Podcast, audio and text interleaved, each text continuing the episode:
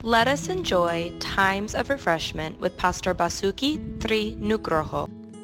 Shalom, Ibrani 10 ayat 36. Sebab kamu memerlukan ketekunan, supaya sesudah kamu melakukan kehendak Allah, kamu memperoleh apa yang dijanjikan itu. Sebelum ditemukan gergaji mesin, maka setiap tukang memotong pohon selalu memastikan kapaknya tajam. Ketika istirahat, mereka mengasah kapaknya.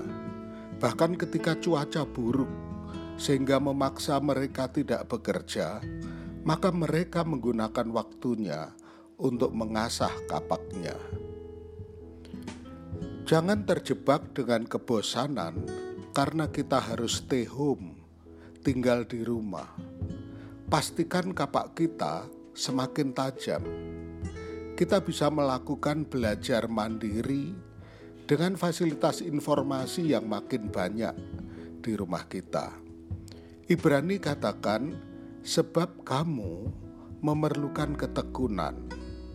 Yang jelas, kehidupan tidak akan menjadi lebih mudah setelah krisis virus corona berakhir. Babak baru kehidupan dimulai dengan segala perubahannya. Mari terus bertumbuh, terus menjadi lebih tajam, menjadi siap ketika kesempatan itu datang. Tuhan memberkati.